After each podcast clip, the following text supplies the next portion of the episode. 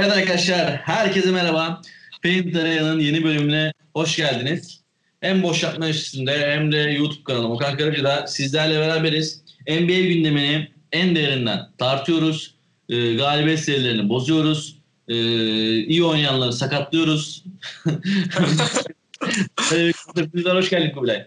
Hoş bulduk hocam. Ee, sonunda bir enerjik bir program başlangıcı yapabildim. Uzun zamandır yapamıyordum. Yoğundum.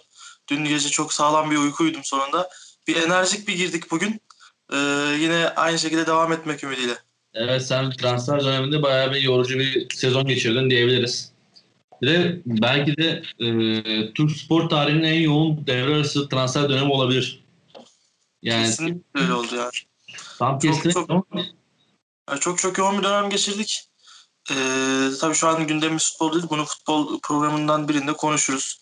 Konuşuyoruz. Ee, anda, yoğundun yani onu söyleyebilirsin. Şimdi. Yani ilk defa yani dün yani rahat bir 8-9 saatlik bir uyku uyuyabildim bir ay sonra. E, o yüzden bir bugün bir enerjiyim. Bugün bayağı bir konuşasım var.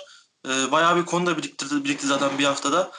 E, ilk konumuza başlayalım o zaman. Evet haftalık gündemimizin, haftalık Paint İtalya programımızın ilk konusu serisini bitirdiğimiz Utah Jazz. Yani yenilmezlik serisinin neredeyse 9 maça çıkan, 10 maça çıkan Utah Jazz Denver'da Jokic duvarına çarptı. Yani özellikle ilk yarıdaki, ilk çeyrekteki 23 sayılık performansıyla harika bir üçlük yüzdesi olan Denver 11'de 11'de yanlış hatırlamıyorsam. Yani müthiş bir performansla Utah Jazz'i yıktılar. Duvarı yıktılar.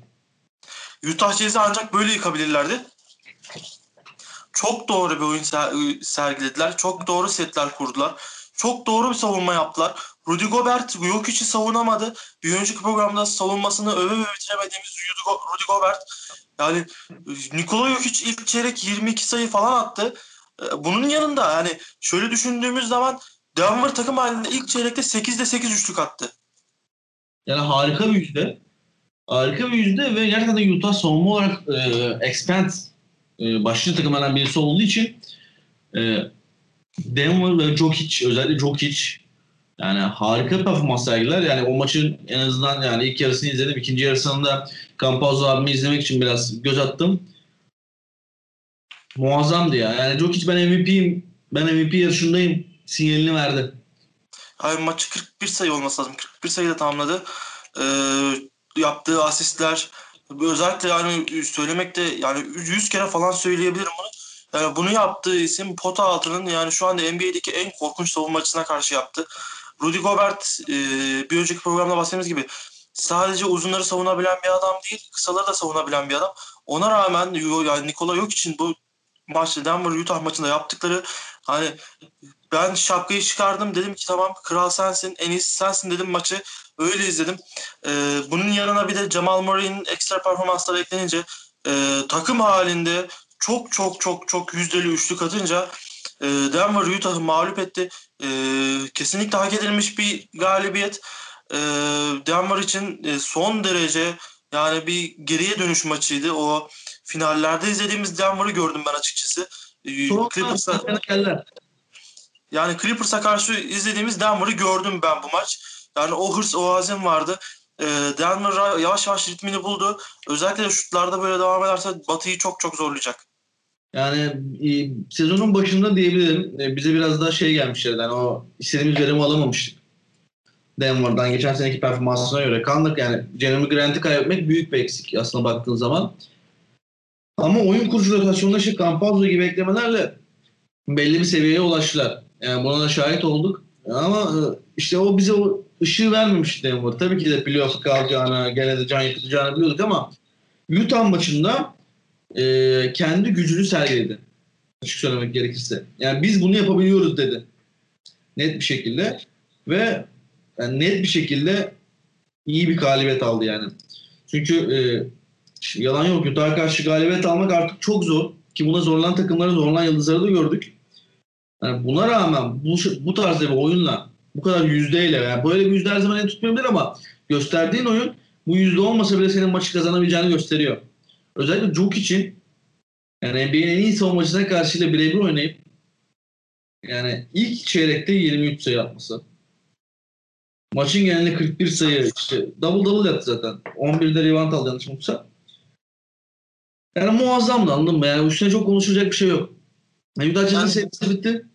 Yani şu anda e, açık söyleyeyim e, bu performanslara dayalı olarak NBA'in yıldızlarından herhangi bir tanesini seçme şansım olsa hangisinin üstüne takım kurarsın desen yani şu performansla Nikola Jokic'in üstüne takım kurarım. E, bir oynayabiliyor, beş oynayabiliyor, yeri geliyor şut atabiliyor. E, potadan e, işte pota altı oynuyor ama potadan ne kadar uzakta oynarsa o kadar diye oynuyor. Hani Ni- Nikola Jokic'in üstüne takım Nikola Jokic üstünde takım kurmak çok mantıklı bir hamle oldu Denver için. Ee, Denver Nuggets e, Nikola Jokic gibi bir adama sahip olduğu için çok şanslı. NBA'de şu anda en e, iyi, en e, e, böyle oyun kurabilen en iyi ve e, bence şu andaki oyun kurmasadaki en iyi 5 numaraya sahipler. Ee, Nikola Jokic bu maçta harika bir ötesi bir performans gösterdi. Kendinden beklenenin üstüne çıktı. Özellikle ilk çeyrek. Yani Nikola Jokic için şu söylediklerimizi sadece ilk çeyreği izleyerek anlayabilirsiniz. Yani o ilk 12 dakika neler yaptı. Zaten ilk 8 dakika falan oynadı ilk çeyrek. Aynen. Yani o 8 dakikada yani 20 21 sayı hatta 23 sayı tam hatırlamıyorum. 20 şimdi 21 sayı diyeceğim. 21 sayı attı, 5 asist falan yaptı. Harika bir performans ortaya koydu. Yani şapkalarını öne çıkar. Burada bizim yapmamız gereken tek şey şapkamızı önümüze koymak ve yani hak ettiği değeri vermek.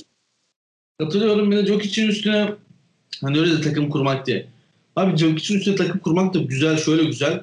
Hani yan parça bulunması daha kolay pozisyonlara buluyorsun. Yani şimdi 5 numara bulmak artık bence NBA'de zor.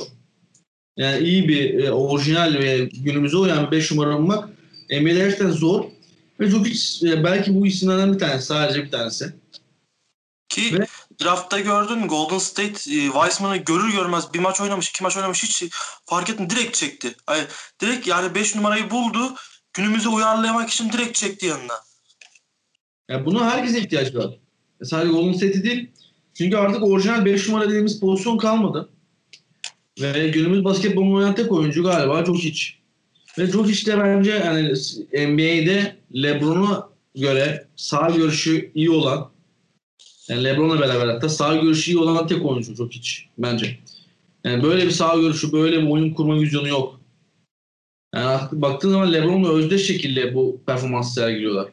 Yani hayran bırakıyor beni açık söylemek gerekirse. Arkada gözleri sanki böyle başının arkasında şuralarda bir yerde gözleri varmış gibi bir adam. Hani öyle bir oyun kurabilme potansiyeline sahip öyle bir oyun e, görüşü var.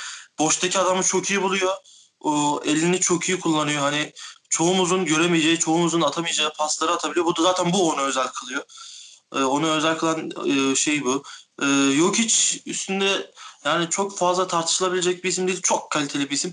Hani e, şu anda ben Jokic'e hani şey işte ya yok işte kötü basketbolcu diyen bir, bir kişi tanım görmedim. Görü göreceğimi de düşünmüyorum. Hani böyle ka- kariyeri bir anda düşüşe geçmezse hani böyle bir anda böyle sakatlık yaşayıp da ondan sonra geri dönemezse işte Derrick Rose gibi MVP olup ondan sonra sakatlanıp Allah göstermesin de yani bir anda düşüşe geçmezse yani Nikola Jokic önümüzdeki seneleri e, ambargo koyabilecek potansiyelde. Katılıyorum. Ee, yani onun kariyerini bozacak en büyük şey şey olur. Aşı sakatlığı, tarz sakatlıklar olur. Umarım da yaşamaz. diyorum. İnşallah. İnşallah. Ee, Utah Jazz serisi bitti. 9 maç bir seriyi bitirdiler. Ve Biz e, bitirdik doğrusu. aynen biz bitirdik. Ve nazar dedik dedik. Jokic ve Denver'da bir nevi geri döndü. Biz buradayız etti diyebiliriz.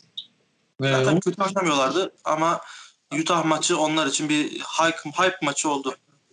Evet kötü başlamamışlardı ama dediğim gibi hype maçı oldu yani. Biraz kendini gösteren maçı oldu. Bir diğer yandan serilerine devam eden ve bizim ağzımızdan bitirilmeye beklenen iki takım daha var. Bugün onları da bitireceğiz. Yani büyük ihtimalle biz konuştuktan sonra bir sonraki maçı kaybedecekler. Aynen. Şimdiden taraftarlarına geçmiş olsun diyelim. Memphis ve Houston Rockets. Ee, Memphis bayağıdır kötü gidiyordu. Yani Jamoran'ın yokluğunda zaten bayağı bir yokluk yaşadılar. Ee, skor üretmede, savunma yapmada her açıdan boşluğa düştüler. Çünkü Jamorant bu takımın her şeyi yani. Memphis Grizzlies değil, Memphis Jamorant bana göre yani artık Grizzlies yani Jamorant olması gerekiyor. Yaşadılar ama Jamorant dönüşü ve kendi gelişiyle beraber yaklaşık 7 maçlık bir galibiyet serisi yakaladılar. Tabii ki. Jamorant çok özel yani. Memphis için bulunamayacak bir nimet Jamorant. Ee, uz- uzun yıllardır e, zaten bir önceki programlarımızda da konuşmuştuk. Draftlerde e, gelen en iyi yıldızlardan hani e, Jamorant, e, Zion Williamson draft, draft'i e, bu 2003 draftinden sonra gelen en iyi draftti bence. Yani o draft'ten sonra zaten üstüne pek koyamadık. Maalesef ki her geçen gün daha kötü basketbolcular da girebiliyor. Yani iyileri de girebiliyor ama genellikle kötüler giriyor. Jamorant Memphis için çok çok önemli.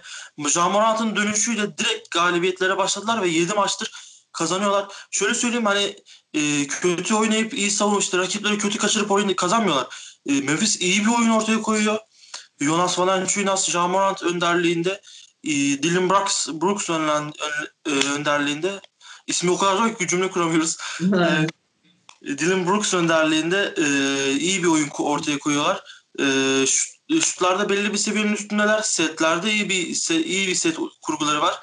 E, pick and roll konusunda en önemli adamına sahipler. Jamorant bir kere patlayıcı, patlayıcılığıyla bence bu ligde Russell Westbrook'a meydan okuyabilecek adamlardan. E, pick and fade'de Jonas Valanciunas'a güvenebilirsin. O yüzden pick and fade'de de çok iyi oynuyorlar. Yani bu tarz oyunlarda e, Memphis kendini çok geliştirdi. E, şu anda da batı, Batı'da dördüncü da beşinci sıradalar. Tam bilmiyorum. E, Memphis böyle giderse e, Batı'da çok çok önemli işlere e, imza atabilir. Yani Memphis'in potansiyeli var. Genç bir kadrosu var. Biraz da e, liderlik sıkıntısı vardı ama bunu Memphis e, Jamoran'la beraber çözüyor. Ama sıkıntı şurada. Dördüncü gelmiş bu arada Batı'da. Sıkıntı şu. Memphis başarılı olabilir ama Jamoran yokken ne yapacak hakkında hiçbir planı yok Memphis'in. Onu e, Jamorant sakatlığında da konuşmuştuk. Yani Jamorant'ı alıyorsun, dışarıya koyuyorsun. Memphis yani tarihin en kötü yani son tarihin kötü mü? Son 3 sezondur izlediğim en kötü Lakers'ı bile yenememişti. Yani e, öyle bir oyun kurguları var. Jamorant her şeyleri, elleri, kolları, ayakları, kalpleri, böbrekleri, işte dalakları her şeyi Jamorant. Aynen. Ee, o Jamorant dışarı koyduğumuz zaman birçok takımda olduğu gibi tek süperstarlı takımlara baktığımız zaman e, hemen çöküyorlar. Hemen e, mağlubiyet serileri başlıyor. Yani Jamorant geri döner dönmez ki etkisi de zaten 7 maçlık galibiyet serisinden belli oluyor. Yani şu an 10'a 6 olması, 10'a 6 veyahut da 11'e 6 NBA'de en az oynayan iki takımdan biri. En az maç oynayan iki takımdan biri. Evet. Ama bu Covid'den dolayı Covid'den dolayı gerçekleşiyor tabii maalesef. Aynen. Üst üste maçlar oynayacaklar. 3-4 gün üst üste 3-4 maçı çıkacaklar. Maalesef ki böyle bir durum da olacak. İlla ki bu seri bozulacaktır ama Memphis Batı'da yani playoff'a göz kırpan takımlardan biri. Katılıyorum ama dediğimiz gibi işte Memphis e, playoff'a kalsa bile Jamorantsız e, bir şey yapamayacağını gösterdi bize. O yan parça. Jaren Jackson'ın belki dönmesi dönebilse e, ekstra performans sergileyip belki Jamorant'a destek çıkacak isimler bir tersi olacaktı ama o da maalesef yok. E, Houston'a gelecek olursak Harden gittikten sonra onlar da bir 6-7 maçlık bir seri yakaladılar. 6 maçlık galibiyet serisi. Oladipo, Wall ve e, Christian Wood önderliğinde Houston harika bir çıkış yaptı. E, ve ben sevindim ya. Ya Houston hepimizin sempati duyabileceği takımlardan biri. Çünkü uzun yıllardır yani bizim Türkiye Türkiye'de şöyle bir durum vardır. Her zaman mağdurun yanında mağdurun yanındayız. Mağduru severiz. Ee, özellikle Houston'da mesela uzun yıllardır şampiyonluk istiyor ama şampiyonluk gelemiyor gelemiyordu bir türlü. O yüzden sürekli e, böyle bir Houston taraftarlığı başlamıştı. Şu anda da e, James Harden'ın verdiği zarardan kurtuldular. E, James Harden çok kötü oynuyordu e, ve takımda tamamen James Harden'a güveniyordu. O, yani bu kaçınılmaz bir şey zaten. Benim de takımda James Harden olsun. Kötü oynasın ben yine James Harden'a veririm topu. Yani James Harden e, olduğu takımın bir numarasıdır her zaman. Yani şu an Brooklyn'de tabii Kevin Durant de e, James Harden orada üçüncü adamlığı bile kabul, kabullendi. Öyle gözüküyor. E, Houston'dan... Kyrie'nin biraz şeyinden dolayı yani. Kyrie biraz e, sivrilmeye çalışıyor orada. E, Houston'a dönecek olursak da Houston e, James Harden gittikten sonra takım olmaya başladı. E, John Wall, DeMarcus Cousins zaten ikisi kolejden beri beraberler. E, yanlarına bir Victor Oladipo gibi sessiz, sakin öyle e, çok çok kavga etmeyi sevmeyen, işini iyi yapıp sonra da e, basına öyle aman aman ben çok iyi oynadım, takım şöyle oynadı, böyle oynadı diye demeç vermeyen, takım e, işte takımım kazansın ben kötü oynasam da olur diyebilecek bir adamı aldılar. E, Christian Wood zaten e, bence son iki yıldır en iyi gelişim gösteren oyunculardan biri. Evet yani ödül alması gerekiyordu bana göre. Boston Celtics'ı alması gerekiyordu. Bu sene de büyük ihtimalle alamayacak ama e, Evet. biraz daha dişini sıkarsa seneye alabilir MIP'yi. E, şu anda Christian Wood iki senedir çok iyi gelişim gösteriyor. E, Houston'ın e, eli kolu ayağı oldu. Bence John Wall'dan, John Wall'dan, Victor Oladipo'dan bile önde geliyor. E, orada bir de DeMarcus Cousins etkisi var. DeMarcus Cousins da e, kötü her ne kadar kötü oynasa DeMarcus Cousins'ın ismi yetiyor orada. E, şu anda Houston Rockets çok iyi bir takım oyunu oynuyor. Çok iyi bir takım oyunu oynuyor demeyelim de çok iyi bir takım oldular diyelim. Birbirlerinin eksiklerini çok iyi kapatıyorlar ve bu sayede kazan, kazanıyorlar. Houston e, sezon başı potansiyel ilk 8'indeydi. James Harden gittikten sonra biraz düşünmüştüm ama yine bu play-in'den falan bir playoff yapacaklar gibi gözüküyor. Ben hala playoff konusunda şüpheliyim ama yaparsa da şaşırmam çünkü Houston Houston'dır abi. Yani NBA'in kendi içinde ismini yazdıran ve her zaman da o ismi bulunduran bir takımdır. Açık söylemek gerekirse e, Houston'un kurduğu kadroda şöyle bir sıkıntı yok. Kendini kanıtlamaya çalışan bir sakatlıktan çıkan Oladipo var. Kendini kanıtlamaya çalışan, yeni bir maceraya atılan, gene sakatlıklar yaşayan John Wall var. Kendini kanıtlamaya çalışan, bir türlü tutunamayan DeMarcus Cousins var. Yine sakatlıklar yaşayan yine Marcus Cousins. Aynen.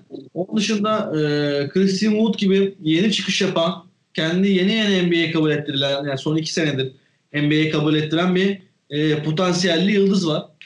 Yani Houston böyle bir takıma sahip olduğu için e, bu takım sağlıklı kalabilirse başarılı olması muhtemel. E, ki bunu herkes öngörüyor zaten. Ama önemli olan sağlıklı kalmak. E, riskli durumlar yaşıyorlar. Eğer sağlıklı kalabilirse dediğimiz gibi başarılı olurlar ve bu arada bakıyordum da önümüzdeki e, 5 Şubat'ta Memphis Grizzlies Houston maçı var. İlk mağlubiyeti var. yani yine bozacağız maalesef. Özür dileriz arkadaşlar ama böyle oluyor. Hani ikisinden birini bozuyoruz yani. Yani Abi onlar bozacak de biz bozacağız yani. Bu program bittikten sonra bu akşam da bir ikisinden birinin maçı vardır. Mesela ondan önce Oklahoma ile maçı varmış Houston'un. E, Memphis'in de büyük ihtimal vardır birisiyle yani. Bakayım hemen kontrol edelim. Ha, Memphis'in de Indiana ile var. Anladın mı? Bu kırılacak yani. ya, Yarın şey olacak ama yani sürekli bizim biz konuştuktan sonra üstüne gelmesi yani o serileri biz konuşuyoruz üstüne hemen önce sonraki maç yeniliyorlar falan böyle. Yani ben bir değişik olmaya başladım. Ee, galibiyet serilerini bozan adamlar olarak tanınmak istemem. biz de bozan adamız abi biz lanetliyiz. Yani şu anda ama Allah nazarlardan saklasın Memphis'te e, Ja Morant yani gerçekten yani şu anda izlediğim ağzım açık izlediğim 3-4 kişiden biri. müthiş bir oyuncu ve e, NBA'de olduğu için de çok mutluyum açık söylemek gerekirse. Kesinlikle. Ama işte dediğimiz gibi takımın sıkıntıları var, takımın şeyleri var falan filan yani onun ne olacak o Memphis'in o yan parçaları ne olacak hiç bilmiyorum. Hiç çekici gelmiyor bana açık söylemek gerekirse. Potansiyelde genç olsalar da Jaren Jackson'ın dönmesini bekliyorum diyorum. O da illaki e, bir etki edecektir dönünce. Tabii canım. Ve e, gelelim NBA'yi yeni olaylarından bir tanesi Bradley Beal'ın takısı. Bradley Evet. Beal'ın takısını konuşacağız. E, üstüne duracağız bayağı. Herkes bunu merak ediyor. Ama ilk başta harika bir Brooklyn galibiyeti var. All-Star maçı kıvamında. 149-146. Ya Evet. ben Ve- maçı izledim. İzledin Sana mi? da yazdım zaten. E, maçı izledim sana da yazdım zaten. Ya birisi savunma yaparken elini kaldırsın bari. Hani 149 140 abi maçı şöyle söyleyeyim uzatmaya gitmedi arkadaşlar şimdi yanlış anlaşılmasın. Maç hiçbir şekilde uzatmaya gitmedi. Maçın 4 periyotluk sonucu 48 dakikalık sonucu 149 146. Hani Abi böyle bir sayı şey yok yani. Bir de bakıyorsun Westbrook 60 41, Bradley Beal 60 37.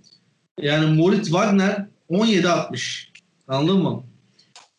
Yani diğer taraftan bakıyorsun Kevin Durant 37 sallamış, Joe Harris 30 sallamış, Kyrie 26 sallamış, Jeff Green 23 sallamış. bir de James Harden oynamadı hani. Yani- Maç ona rağmen 149 146. 160'a 170 falan alacak herhalde. ama. Ya şöyle söyleyeyim maçı izledim yani zaten direkt yazdım dedim ki ya birisi elini kaldırsın abi ya savunma yaparken hiçbir savunma yapmadınız. Ya gelen şut atıyor şut giriyor dönüyor hani önünde hiçbir engel yok bir şey yok. Ya maç direkt All Star maçı gibi bir şeydi hani geliyor Bradley Beal üçlüyü sallıyor dönüyor arkasına gidiyor savunan yok eden yok. Dönen dönüyoruz o tarafta Kevin Durant üçlü atıyor dönüyor savunan yok eden yok. Hani madem böyle bir e, şeye geçtiniz o zaman restleşin aranızda. Hani değil ki Bradley Beal Kevin Durant'la restleşin. E, iyice All-Star maçına bağlasın olay. Ama abi Joe Harris %61 üçlük attı ya. Ya Joe Harris zaten e, sezon başı programımızda e, çok özel bir oyuncu demiştik. E, üçlük konusunda Brooklyn'e çok çok çok fazla şey katıyor. Hücum konusunda çok iyi bir opsiyon. Ama hani abi tabiri caizse bokunu çıkardılar hani bu maçta. Öyle söyleyelim ya yok abi savunan yok. Hani dış şutu savunan yok. Herkes içeriye doluşmuş böyle. Herkes rebound peşinde. Hani 35 sayı 20 rebound falan yapayım diye. Russell Westbrook'u zaten biliyoruz. Hani Bradley Beal de o, o tarz bir oyuncuya dönmüş. Zaten takası konuşuluyor şu anda. Washington'dan mutsuz olduğu konuşuluyor. Ya çok saçma bir maçtı. Ya çok çok saçma bir maçtı. Ben izlerken diyorum ki sinir oldum ya televizyon başında. Özellikle o eski tarz NBA'yi seven biri olarak ya televizyon başında izlerken sinir oldum. Dedim ki ya birisi savunma yapsın. Ne olur birisi savunma yapsın dedim.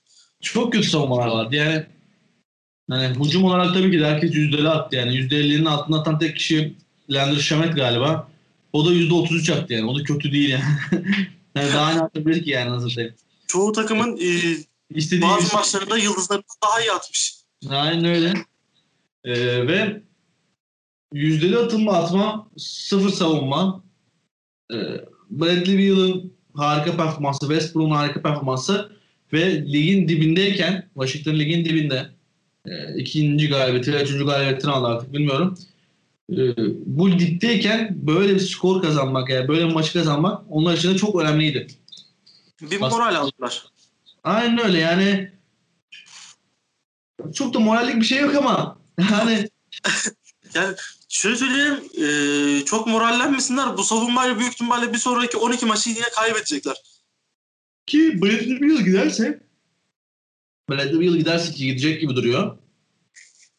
Yani Washington'dan hiç bir bok olmaz yani. Hiç bir bok olmaz Washington'dan. Yani Westbrook'ta Yeniden yapılanma, yeniden, yeniden yapılan başlıkları görüyorum ben orada.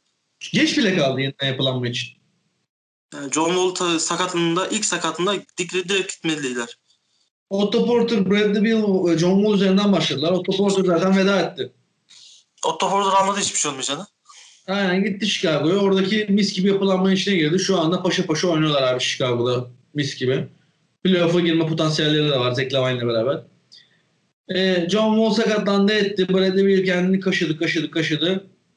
Ne oldu? John Wall da ayrıldı. Yanına Westbrook gelse ne olacak? Westbrook mu kaldı artık? Bak şimdi Bradley Beal'ın takas tekliflerine bakıyoruz. Clippers var. Benim bildiğim kadarıyla. Lakers var masada. Ee, bir de Chicago konuşuluyor. Yani çok değişik üçlü bu arada. yani Chicago'ya gitse e, apayrı bir Chicago olur. Onu Çok söyleyelim. güçlü, çok güçlü olurlar. Aynen öyle. Ama Zach Lavine'ı koruyacaklar ve Lolo Mankian'ı koruyacaklar takımdan. Öyle bir gerçek de var. Ki Washington'da ikisinden birini ister. Büyük ihtimal. Haksız Lakers- sayılmaz. E, Lakers Clippers'a giderse Lakers'ın verebileceği bir sürü alternatif var. Yani şu an, şu an kadrosu Clippers'a ve Bulls'a göre daha a, a, alternatifli. Daha avantajlı bir takasta.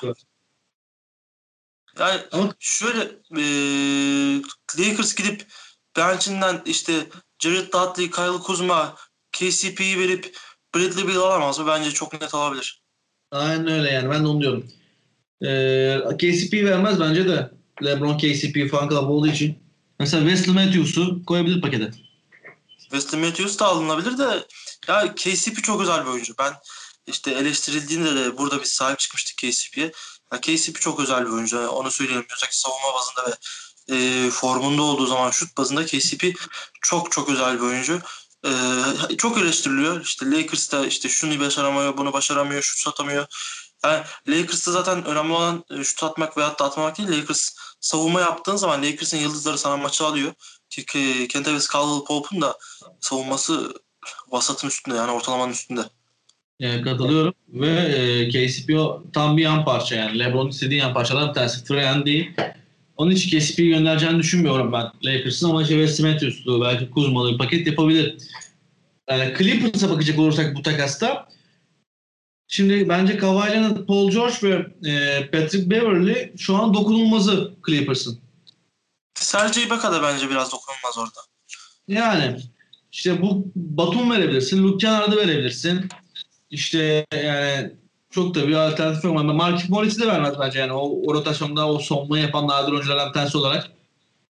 Clippers'ın o kadro genişliğinde çok bir isim göremiyorum ben açık söylemek gerekirse. Yani şunu koyar bunu koyar diyemiyorum. Ee, şu an liderde zaten lider maç fazlasıyla Clippers ama hani elinde çok kadro derinliği yok. Zaten e, hepimiz söylediği şey de bu Clippers'ın e, bu sezon şampiyon olamazsa yaşayacağı sıkıntının sebebi bu. bu. Kadro derinliği yok. Yani şimdi Lou Williams'ı versen kenardan kısa oyuncun gelmeyecek.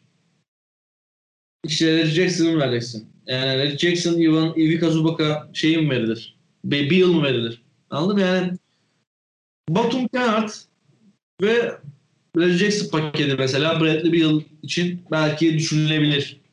Ya ben Washington olsam almam. Şöyle söyleyeyim, şöyle söyleyeyim ben e, bir Washington Wizards yöneticisi olsam, GM olsam e, ancak Clippers'tan gelen şöyle bir teklif kabul ederdim. Ibaka, Batum, e, Kennard. Yani başka hiçbir teklifi kabul etmem çünkü Bradley Beal bu sezon MVP'liği oynuyor.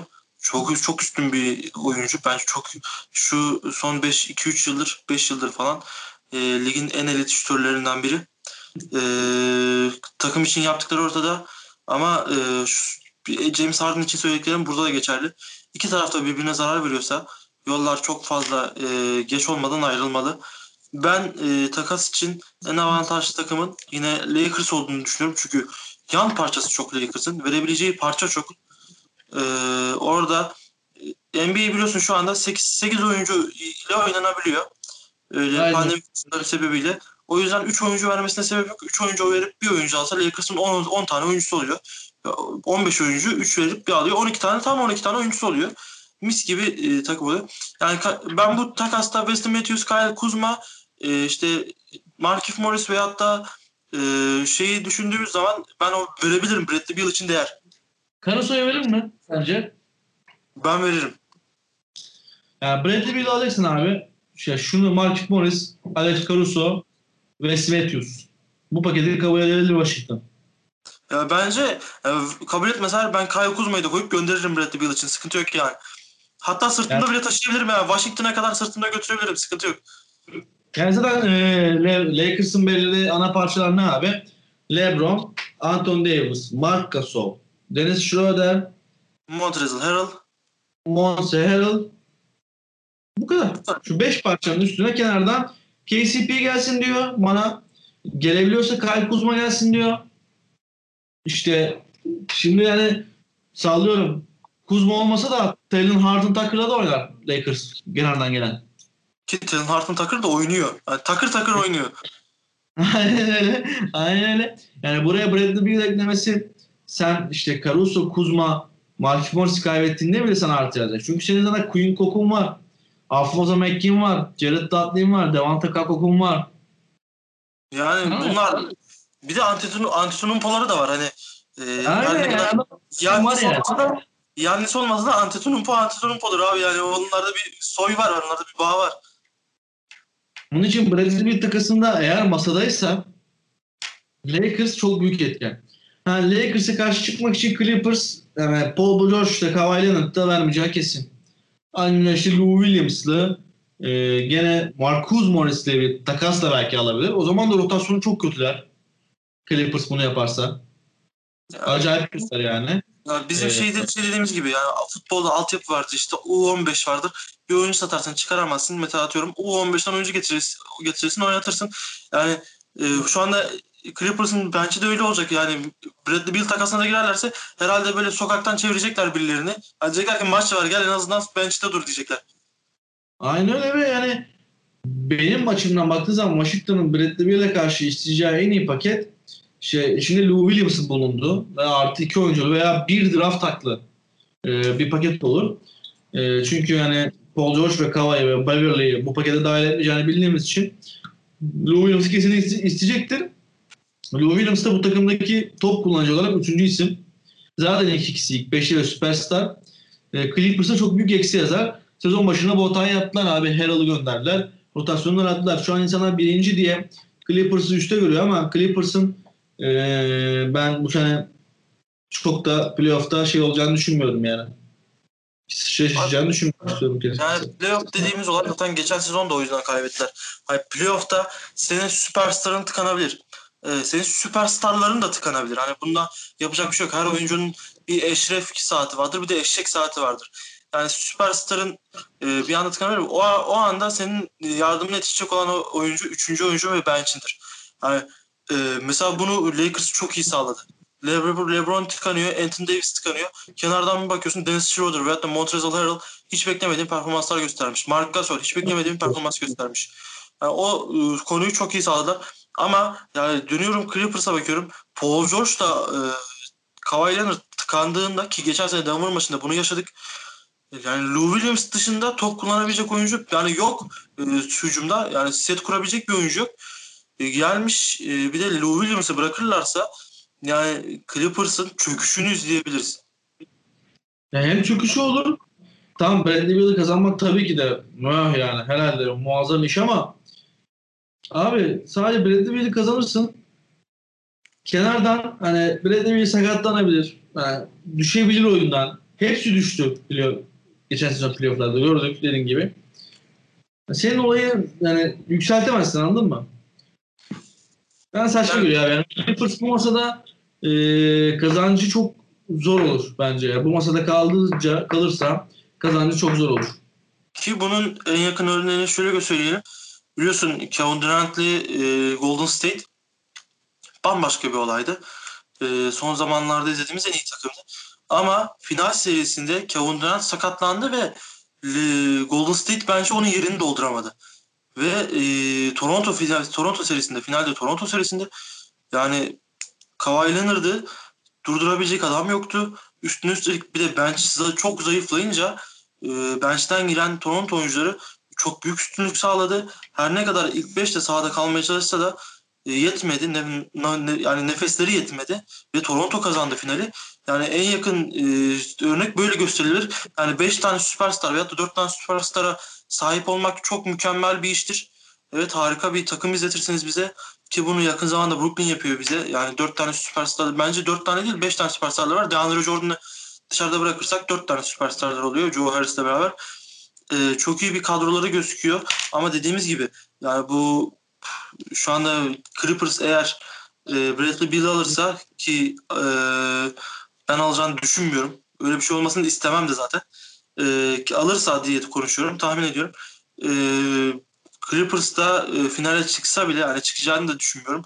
Yine Denver maçın Denver gibi falan bir takımı elenirler yarı finalde ama e, finale çıkarlarsa e, çok çok çok büyük bir e, güç kaybederler. Kazanab kazanamazlar. Çünkü e, NBA'de tamam senin ilk 5'in 35 dakika oynuyor ama bench'in de geri kalan zamanda e, çok önemli katkılar vermesi lazım e, Clippers'ın bench'inde Lakers'ın bench'ine karşılık Montrezl Harrell gibi bir adam yok. Hani onu durdurabilecek bir adam bir adam kalmıyor. Adamlar döne döne zaten 5 numara arıyor. E, ki 5 numara ararken Bradley Beal takasına girmek de çok saçma olur. Katılıyorum. Yani Bradley Beal takasının şu an masadaki isimlere baktığımız zaman en mantıklısı tabii ki de Lakers gözüküyor ama mesela Chicago Bulls çıkıp e, Zach verirse böyle bir hata yaparsa yani yapar mı bilmiyorum. Hiç sanmıyorum ya. Yani öyle bir hata yapar mı bilmiyorum yani. Bradley Beal'ı almak için Zach Lavine'i vermek. İkisi bitti ikisi de MVP gibi. Ya, ikisi de çok iyi oyuncu ama ben yani Zach Lavine'i bu yani Chicago'nun vereceğini hiç düşünmüyorum. Hani çünkü iki, iki taraf da birbirini çok iyi sahiplenmiş. Yani katılıyorum. Hani Chicago'nun bu masadan galip çıkması için diyorum yani. Olabilecek en iyi kozu bu. Chicago'nun bu masadan sahip çıkacağını düşün, yani galip çıkacağını düşünmüyorum. Yani şu anda Bradley Beal zaten sezonun başı Lakers için yine konuşuluyordu. Biz programımızda konuşmuştuk. Ben e, yine Lakers eğer takaslanırsa ki konuşuluyor takaslanacağı e, yine Lakers olacağını düşünüyorum. E, en mantıklısının Lakers olacağını düşünüyorum.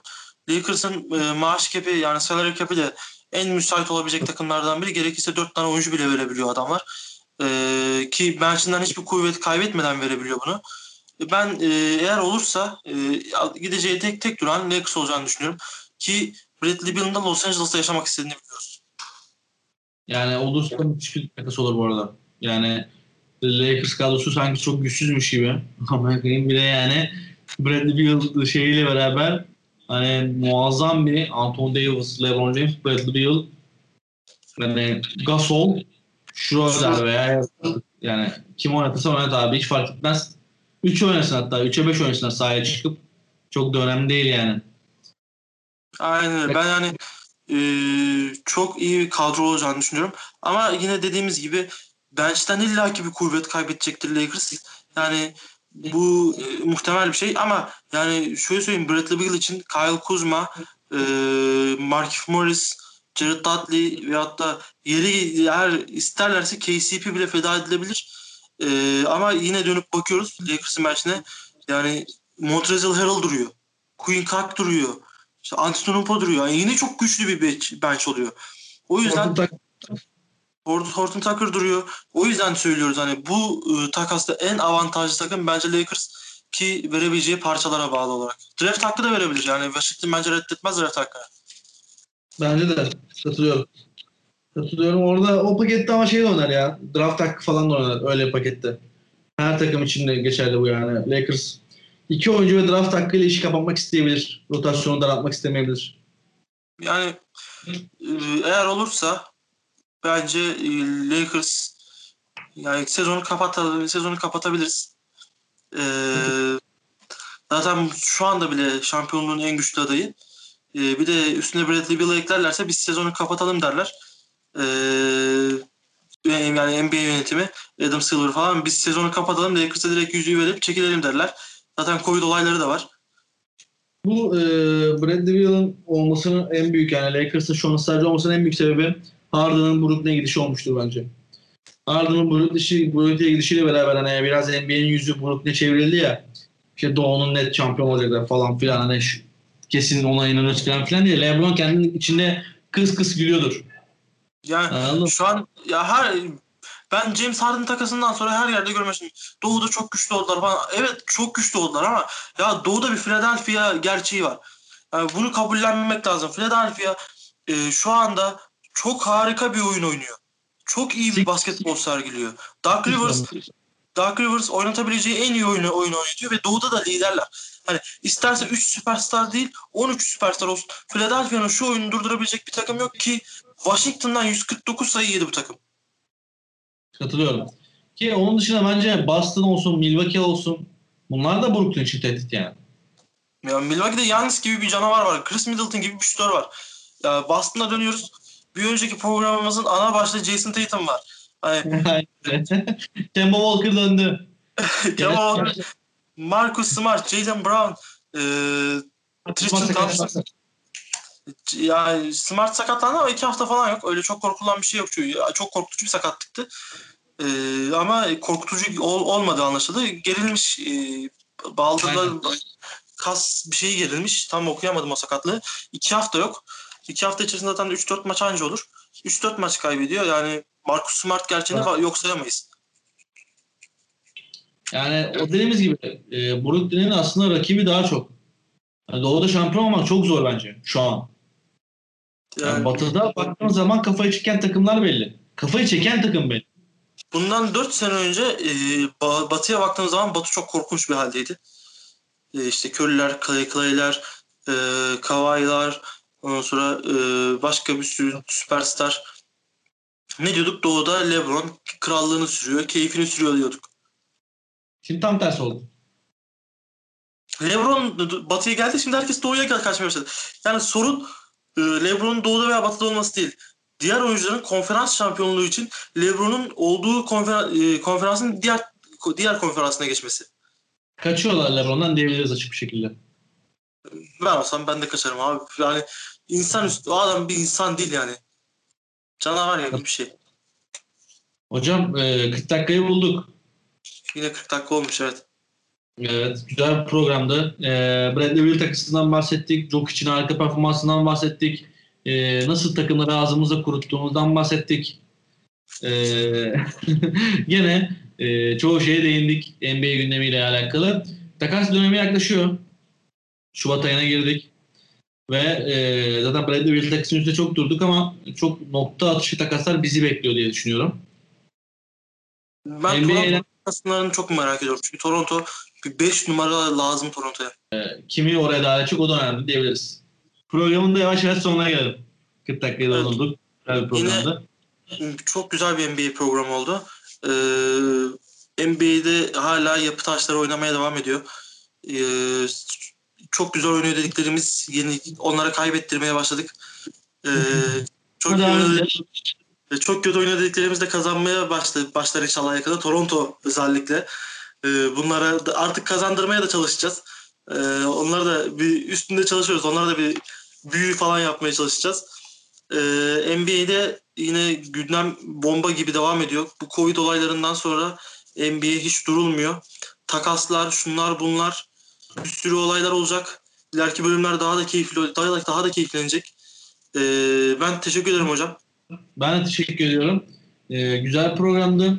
NBA'in bir dahaki programın takas yoğunluğuyla geçeceğini düşünüyorum. Ee, zaten e, büyük ihtimal irtibatta oluruz, konuşuruz. Bentara'ya çift haftada bir program yapıyoruz. Haftada öyle bir köşemiz var sadece. Elimizden bu kadar geliyor.